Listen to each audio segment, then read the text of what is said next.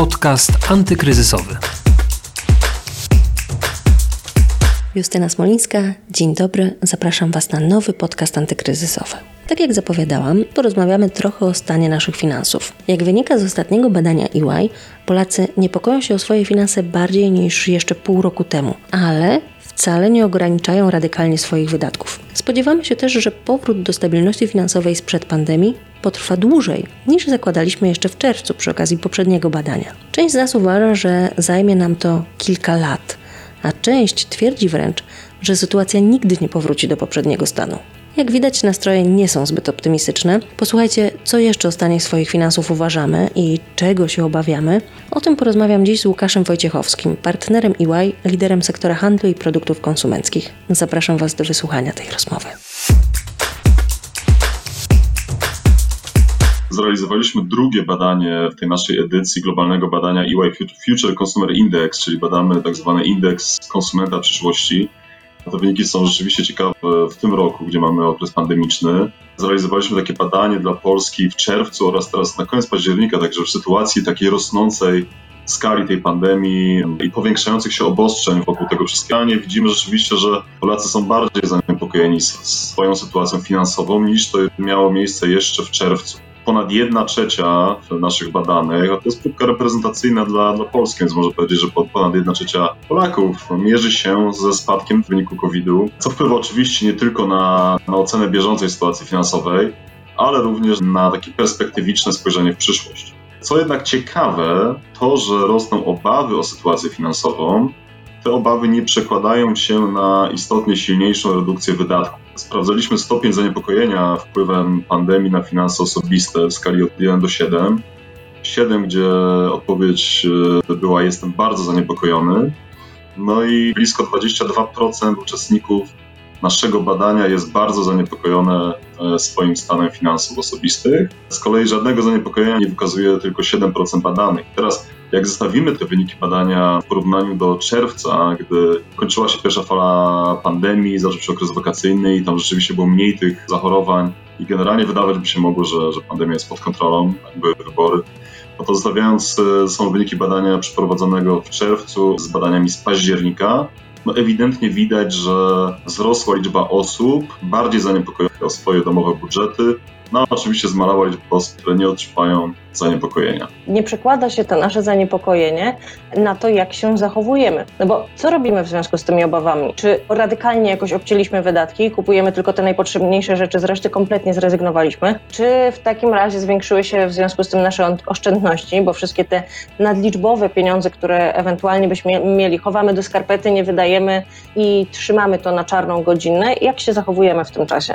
W efekcie według naszych ankietowanych ponad 37% zostało dotknięte efektywnie spadkiem dochodów. Ponad 16% ankietowanych w ramach naszego badania deklaruje, że wynagrodzenie jest niższe, choć godziny pracy pozostały bez zmian. Co w praktyce może oznaczać, że za pracę przez 5 dni w tygodniu otrzymujemy wynagrodzenie za na przykład 4 dni pracy. Także to jest też również ciekawy aspekt. No i teraz tak, wracając do Pani pytania, jak to się przełożyło efektywnie na, na wydatki? Tak, rzeczywiście widzimy, że ta obawa o sytuację finansową, czy te niższe dochody, no istotnie nie wpływają na zmianę podejścia do wydatkowania pieniędzy z, z domowych budżetów. Z tego, co się dowiedzieliśmy podczas tego badania, z większą rozwagą niż przed pandemią pieniądze wydaje obecnie blisko 60% ankietowanych, podczas gdy w czerwcowej edycji badania taką postawę deklarowało 64% badanych. Także jest to delikatna, można powiedzieć mało istotna różnica. Również nie zmienił się odsetek ankietowanych, którzy nie zmienili podejścia do swoich wydatków. Tak? Także wciąż ani nie ogranicza tych wydatków, ani nie zwiększa 26% badanych. Co ciekawe również, że w ciągu najbliższych od 6 do 12 miesięcy około 18% ankietowanych zmniejszy kwotę, którą wyda na produkty inne niż podstawowe. Na przykład na, na odzież, na kosmetyki. 39% nie zamierza dokonywać w tym aspekcie żadnych zmian. No i ponad 40%, niecałe 42% konsumentów planuje odłożyć zakupy typu zakup samochodu, zakup nowych mebli, czy właśnie sprzętu elektronicznego do czasu zakończenia pandemii. Powiedział Pan, że ograniczamy te wydatki największe, tak? Czyli od, odłożyliśmy w planach e, zakup samochodu, nie pozwalamy sobie na takie duże wydatki. A co z takimi podstawowymi rzeczami? Czy rzeczywiście wydajemy teraz pieniądze tylko na te najpotrzebniejsze wydatki, czego sobie odmawiamy? Co jest taką rzeczą, która w ogóle teraz e, nie jest dla nas ważna? Myślę, że ważne jest, żeby cofnąć się troszeczkę o krok wcześniej i, i zastanowić się, jak, jak zmieniają się kryteria zakupowe, czyli jakimi wartościami kierują się konsumenci, podejmując decyzje o, o swoich wydatkach, budżetów osobistych. No i tak, no i również zadaliśmy szereg pytań o te kryteria właśnie zakupowe. No i obecnie najważniejsze kryteria są związane z poszukiwaniem oszczędności oraz również dostępnością towarów, produktów, zdrowiem, a więc kryteria takie bezpośrednio związane z bezpieczeństwem konsumentów. Ciągle swoją istotność wysoką posiada cena.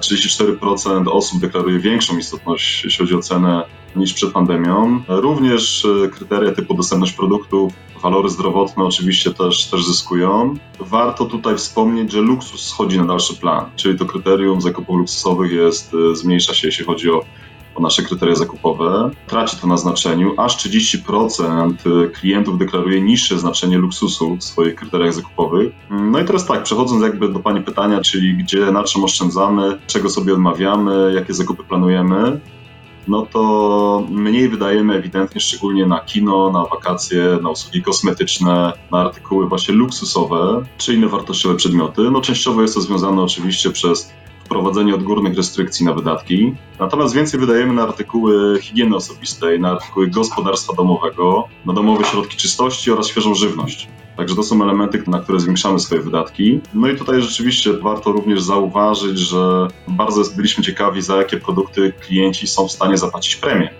czyli wyższą cenę. No i klienci deklarują, że tą premię chcą płacić, no przede wszystkim za, za wysoką jakość, za markę, do której mają zaufanie, za wygodę w procesie dokonywania zakupów oraz za takie elementy jak właśnie lokalność produktu, tak, czy produkty promujące zdrowie, dobre samopoczucie. Także generalnie mhm. takie trendy jak zwiększająca się rośnie value for money, czy convenience, które obserwowaliśmy jeszcze przed pandemią, nie znikły. Można powiedzieć, że one nabrały przyspieszenia. Jak szybko, zdaniem badanych, co badani wskazali, wrócimy do sytuacji finansowej sprzed pandemii? Jak szybkiego powrotu do takich naszych normalnych finansów oczekujemy? I czego się spodziewamy. Czy wasi badani założyli sobie jakiś termin, kiedy ich zdaniem ten stan portfela będzie taki sam jak przed pandemią? No, w porównaniu do badania w czerwcu, przyszłość nie jawi się już tak jasno, jak właśnie widzieliśmy w deklaracjach, w odpowiedziach z edycji czerwcowej. Obecnie nasi ankietowani oczekują, że dłużej będziemy wracać do sytuacji, do stabilności finansowej sprzed pandemii około 4% klientów spodziewa się, że sytuacja w ogóle nigdy nie powróci do poprzedniego stanu. W czerwcu ta odpowiedź to było 2 punkty procentowe mniej. 18% ankietowanych oczekuje, że powrót do poprzedniego stanu sprzed pandemii, do tamtej stabilności finansowej będzie trwał latami. To również wynik wyższy niż, niż badanie z czerwca. I teraz tak, jeżeli chcielibyśmy zawęzić tą perspektywę do najbliższego roku, no to ponad 1 czwarta klientów oczekuje pogorszenia swojej sytuacji finansowej w porównaniu do stanu aktualnego,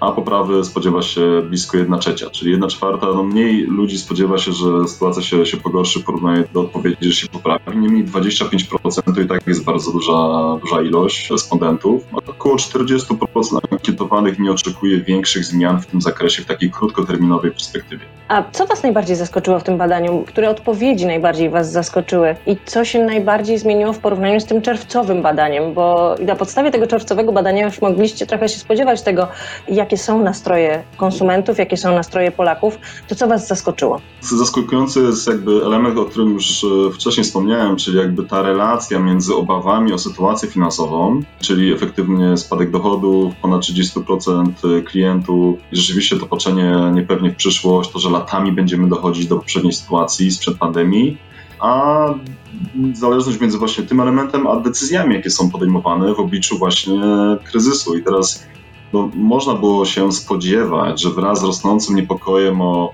e, o nasze finanse osobiste w obliczu właśnie spadających dochodów, przełoży się to na, na istotne zmniejszenie wydatków, na zwiększenie oszczędności, no i jakby tego w najnowszych danych no, nie widać w sposób istotny. Badanie było już robione na koniec października, czyli w sytuacji, kiedy rzeczywiście ta sytuacja pandemiczna ulegała istotnemu pogorszeniu. Także można postawić, spróbować postawić taką tezę, o czym już wcześniej mówiliśmy, że konsumenci, klienci raczej nie oczekują, że w krótkim terminie uda się zwalczyć wirusa i ta sytuacja pandemiczna będzie raczej długotrwała No więc staramy się jakby oswoić z tą nową rzeczywistością i w miarę normalnie funkcjonować, ponieważ takie krótkoterminowe oszczędzanie, zaciskanie pasa no może nie wpłynąć, może nie zmitigować tych negatywnych wpływu pandemii na budżety domowe osobiste. No, Natomiast co się zmieniło w porównaniu do, do czerwcowego badania? No rzeczywiście, rzeczywiście bardziej obawiamy się o kwestie takie podstawowe typu właśnie zdrowie swoje bliskich, o pracę oraz finanse. I tak jeszcze w czerwcu 37% klientów było zaniepokojonych własnym zdrowiem. Teraz to już jest 54%. 43% istotnie obawia się o swoją pracę w porównaniu do 31% poprzednio, także widzimy, że to jest naprawdę kilkanaście procent różnicy pomiędzy w ciągu tych kilku miesięcy te nastroje się rzeczywiście pogorszyły. 49% badanych obawia się o swoje finanse, podczas gdy w czerwcu było to 42%.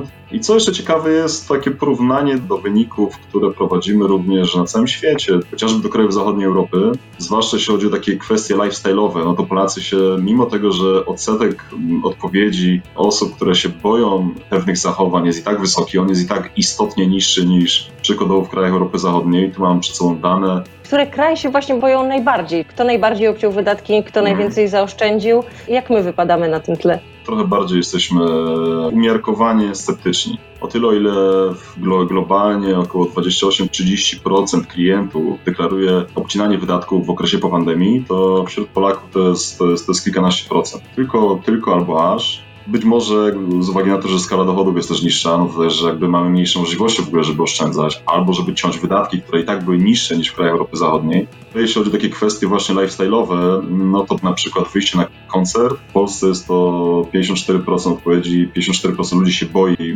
bałoby się wyjść na koncert. Natomiast w krajach zachodniej Europy są odpowiedzi powyżej 70%. Tak samo podróżowanie samolotem, czy podróżowanie środkami publicznego transportu, czy wyjście do baru, czy wyjście na to są te elementy, gdzie, gdzie Polacy rzeczywiście mniej się obawiają tych czynności. I rzeczywiście tutaj widać bardzo duże e, pomiędzy Polską a krajami takimi nawet jak Niemcy, jak Francja, Włochy, różnice w zachowaniach konsumenckich. Także te kwestie są tutaj bardzo, bardzo istotnie widoczne. Także to jest również ciekawa obserwacja.